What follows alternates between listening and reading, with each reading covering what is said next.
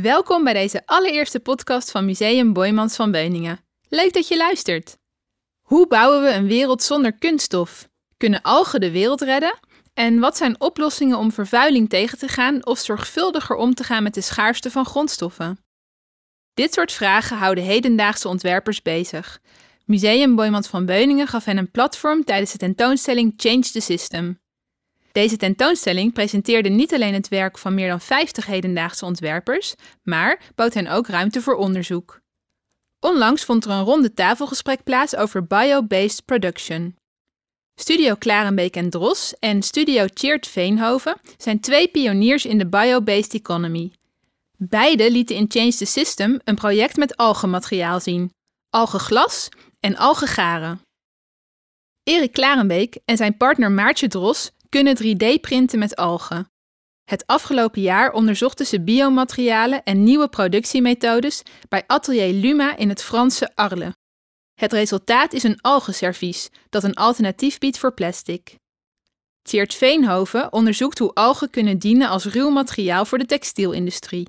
Een project waarmee hij in 2015 een Global Change Award van de H&M Foundation won. Biobased productie op basis van algen en zeewier kan de huidige vervuiling, schaarste en klimaatveranderingen positief keren. Ook te gast was hoogleraar transitiekunde en duurzaamheid Jan Rotmans van Erasmus Universiteit Rotterdam. Hij doet onderzoek en geeft concrete adviezen aan bedrijven en overheden. Vanwege het internationale publiek werd het gesprek in het Engels gevoerd. De discussie werd geleid door Anne-Martine van Kesteren, de conservator van Change the System. Uh, this afternoon, we have a roundtable discussion based on bio based economy. We have two designers from the exhibition that are here. Then we have a roundtable discussion, and I will start with asking them some questions, but feel free also, as the audience, to participate. I know from making the exhibitions that the best moments are always when you talk with the artist just before the opening when the audience is not yet there and that moment of interaction it's something actually that we would like to share with you. So feel free if you have questions to join in into the conversation. So welcome. I'm the curator of the exhibition. What uh, we've done with change the system is showing you uh, some developments in the design world of designers that not are only thinking anymore of products and things to design but they are actually starting to think also of systems and how their role and what their creativity can do in involving changes in this system. Two of the designers that are joining us uh, today in this afternoon are Tjeerd Veenhoven and Erik Klarenbeek. Both of them are uh, joining in the exhibition with an algae project. I'm not going to tell too much about that.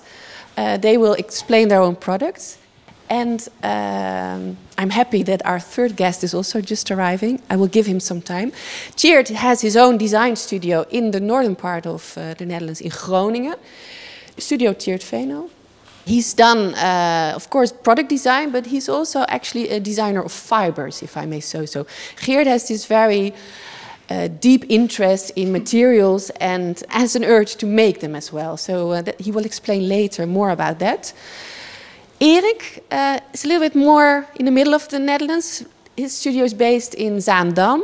Uh, he's joining his studio with his partner, Maartje Dros, who's not here. But the studio has just been recently renamed into uh, Studio Klarenbeek and Dros, right? Uh, and Erik is also somebody that's not only interested in the final product, but as slowly has been evolving himself into almost a material designer. Uh, and he will explain the reasoning why. Jan Rotmans, welcome. Full professor at the, at the Erasmus University Rotterdam in Sustainable Transitions and System Innovations. Tjeerd. Yeah. What is your dream? Why are you so sort of focused at this moment on, on the algae? Well, in general, I would say I think the, the cool thing about being a designer is that you're, you're actually able to connect a lot of things because you look at things slightly differently than you know engineers or scientists or, or activists even. So I think the, the, the biggest fun is right now why I get so excited is I, I, I'm allowed to think lateral. I, I'm allowed to to combine and to pick and to, to make something into a story that I think is you know is going to catch on, is going to make people believe in a sustainable transition. So I think that's that would be my dream to continue with such a such a, a thinking process. Yeah. yeah. Hey, and Erik, do you believe yeah. that algae will save the world? Uh, yeah, I do. Yeah. Why? How? Yeah, um, I, I- I was uh, I was earlier in, in mushrooms. Uh, they're a little bit later. In, uh, yeah, yeah, a little bit later in, in evolution. And the interesting thing uh, about the algae is that they live on uh, minerals. So they're earlier in evolution. They can uh, are able to convert these minerals into to biomass and just by only absorbing CO2. So therefore, it's super interesting as, as a as a material because of the ecological benefits. Uh, yeah, so that's that's the que- the answer eh, to the will save the question. world. And explain that a little bit more. So they, they, they eat CO2 out of the air. Yeah. What do they do then? Yeah, you have the carbon and the oxygen uh, molecules, CO2, and then the carbon is the, the biomass which grows, and the O2 is the, the waste is uh, what they product. release. Yeah, ah, you- roughly, yeah, But roughly when you said, as a designer think of that, because this is the chemical story, we know Yeah, that. But what, yeah. what, what, what opens? How does it open up your your your i- ID generation when you hear of that? Um, uh, I think it's, it's interesting because um, what we were searching for a model in able to produce locally because um, besides the, sust- uh, the sustainable uh, effects, um, there's also a social uh, aspect to this whole uh, way of producing. We really believe that that uh, production has to be decentralized, that it has to happen locally, that we mustn't be too dependent on uh, big multinationals such as IKEA, Primark, uh, uh, Hans Madet, sorry. No, absolutely. No, you're right. But uh, how can we break that down? How can we find uh, a new way of of, uh, of making social making that uh, that people are also you know that that society small networks are dependent on each other and can count on each other and can produce their own products or their own houses, and so therefore we need to grow an organisms lo- uh, locally. And algae, you are able to grow microalgae or macroalgae in a metropolitan area, uh, same as mushrooms. You don't need agriculture, you don't need uh, land to do it. You can just uh, pile it up. Yeah, go ahead. Well, what I'm wondering i- if, when I look at these processes, and when you say like we really need to break down the system, but I, I kind of disagree because if you look at this economy of scale, this knowledge that we got gave us enormous prosperity, and it's extremely efficient. Why is that not part of your design process? Why is there such a uh, let's say, um, resistance to towards economies of scale, wh- while it actually brought us so much prosperity. Can we not keep that? Yeah. Jan, would you like to? I think this is a beautiful entry for you. Yeah, where to hook on? Um, before I answer your question, first of all, these guys are, let's say, front runners of the new economy. I'm really impressed by what I've seen, what they've showed us. Um, they are now the exceptions. They are change makers. They are showing you some glimpses of the new economy. In 10, 15 years from now, this will become mainstream. So there will be. Yes, we are now in the phase of what I call the tipping point. It all starts with, let's say, uh, the level of consciousness, awareness. Then you are changing your attitude.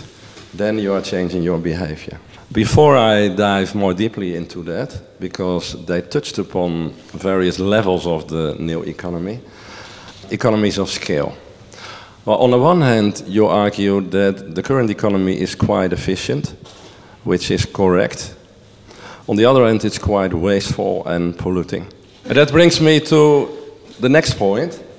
A transition is a fundamental change in the way we think, the way we organize, and the way we do things in practice. Scientifically, we say in the culture, the structure, and the practices. And these guys are amazing and they are deeply involved in technology. And their focus is a bit too much on technology, which I appreciate. But you see that with many designers. But do you know, after having studied this for 30 years, what the biggest barrier for a transition is? Do you know what it is? It's not in the technology. Yes, it's in our mind. It's between our ears. You cannot imagine that algae is the new oil. You cannot imagine. It's the new oil. In the harbor of Rotterdam, we are going to replace, let's say, all the pieces of oil by biomass. It might take another, let's say, 20, 30 years, but it is already happening. The biggest barrier is between our ears. Um, I'd like to believe in, in, in uh, the algaes, um, but um, in my work I, I, I, get a lot of questions about uh, making um, the, uh, the properties of plastics better and uh, make um, things like we use uh, manufacturable, productable. Um, so uh, can you help me to believe in these algae um, to make re really good plastics? Yeah. yeah, yeah, that's one of the hardest things we have to overcome, because um, we made plastic so durable it will never go away. It will never. It will only fall apart in smaller particles, um, and that's what we don't want, uh, because we want our plastics to compose to to have an end of the end of life, to have a, a cycle in the end. So um, yeah, that's one of the hardest thing uh, we work on. But we can have some properties, and we can target it for the the right property. So we can make compostable products. We can make uh, that means that you can throw it out of your window. We can make the products which are degradable, so they won't degrade. So that's the cups we showed. Um, so they will it will take less. It will have the same flexibility, the same appearance as plastics. Um, uh, yeah, but you will always have other applications, maybe toxic materials, maybe uh, other uh, other materials, other properties, and then maybe we're bound to some fossil oil-based plastics, which we currently uh, which we have developed. But um, I, I'm sure that like the uh, most of the plastics, like let's say, uh, like everything we use on a daily basis, can be replaced by these biopolymers and then we can actually, yeah, we achieve to, to have the same properties.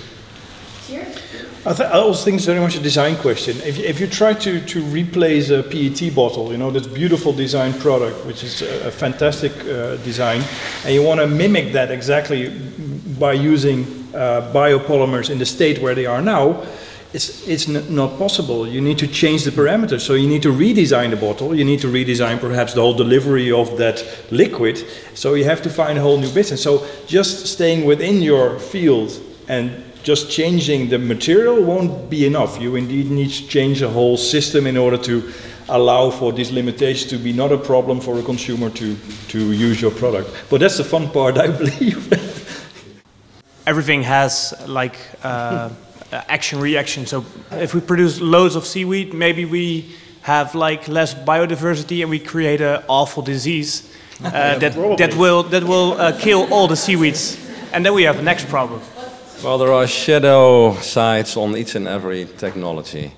So if you look solar and wind, the shadow side of it that we need a lot of scarce metals like neodymium and lithium, and that is very unevenly distributed in the sense that Europe has almost nothing and China has 90% of that. So there will be huge conflicts around these resources and materials, and I expect also on biomass. We don't have much biomass in the Netherlands. In Finland, they have lots of it. So we need to exchange it more. And there's a lot in uh, South America and in Africa. So there will be a huge turnover in redistributing, let's say, the amount of biomass that we have. I'm a big supporter of growing biomass at the North Sea, let's say in a liquid form. In the water. Yeah, and do you know what the barrier was? Of the province uh, and the region, they said there's not, there's not enough place on the water in the North Sea. Because it's claimed by, let's say, the shipping people and the fishers and, uh, let's say, the windmills at sea. Uh, but that's nonsense. There's more than enough place, of course. But we, we have to be cautious um, because also with algae you can uh, develop GMOs, genetically modified organisms. Uh, we mustn't have conflicts with our uh, native ecology, so therefore we only use non-GMOs. Um, but that's also, you know, there's a lot of a lot happening in biotechnology, so there might be the you know the, the, the danger yeah that we have to be sharp on I wanted to go to you yeah. or you. You're talking a lot about collaborations with companies uh, like Science Base and everything. So I'm really curious if you're talking about change in a society. Uh, that's really what our story is about. Mm-hmm. But how you see yourself as maybe a designer to make collaborations with people to change that mindset because that's not only designing, that's also reading people. So mm-hmm. do you see, see yourself as a designer col- uh, collaborating with other That's our fields prerogative. well. That that is that is why we do this. I mean, we're we're as a designers, we are very much in tune with the user. You know, we're not in. We love science, but at the end, we try to convert it to something that we can actually use and understand. So, in a way, it's in, it's inside our profession that we basically do this. So it's it's very much about people. Uh, the product I do in India. It's uh, you know it's a crappy little leaf that we turn into something of a certain value that people embrace because then they can you know get more value from their own livelihood around them. So it's all about that. It's, I think we could have easily continued for another hour, Yes, but uh, uh, I would like to thank you for participation. I would like to thank our guests for Okay. sharing the stories, the thinking, and the good questions. Um, thank you very much. Na afloop van de tentoonstelling gaat het onderzoek naar de veranderkracht van hedendaags design verder. Daarvan zullen we in het voorjaar van 2018 verslag doen via nieuwe afleveringen van deze podcast. Houd de website en social media van Museum Boijmans van Beuningen dus in de gaten.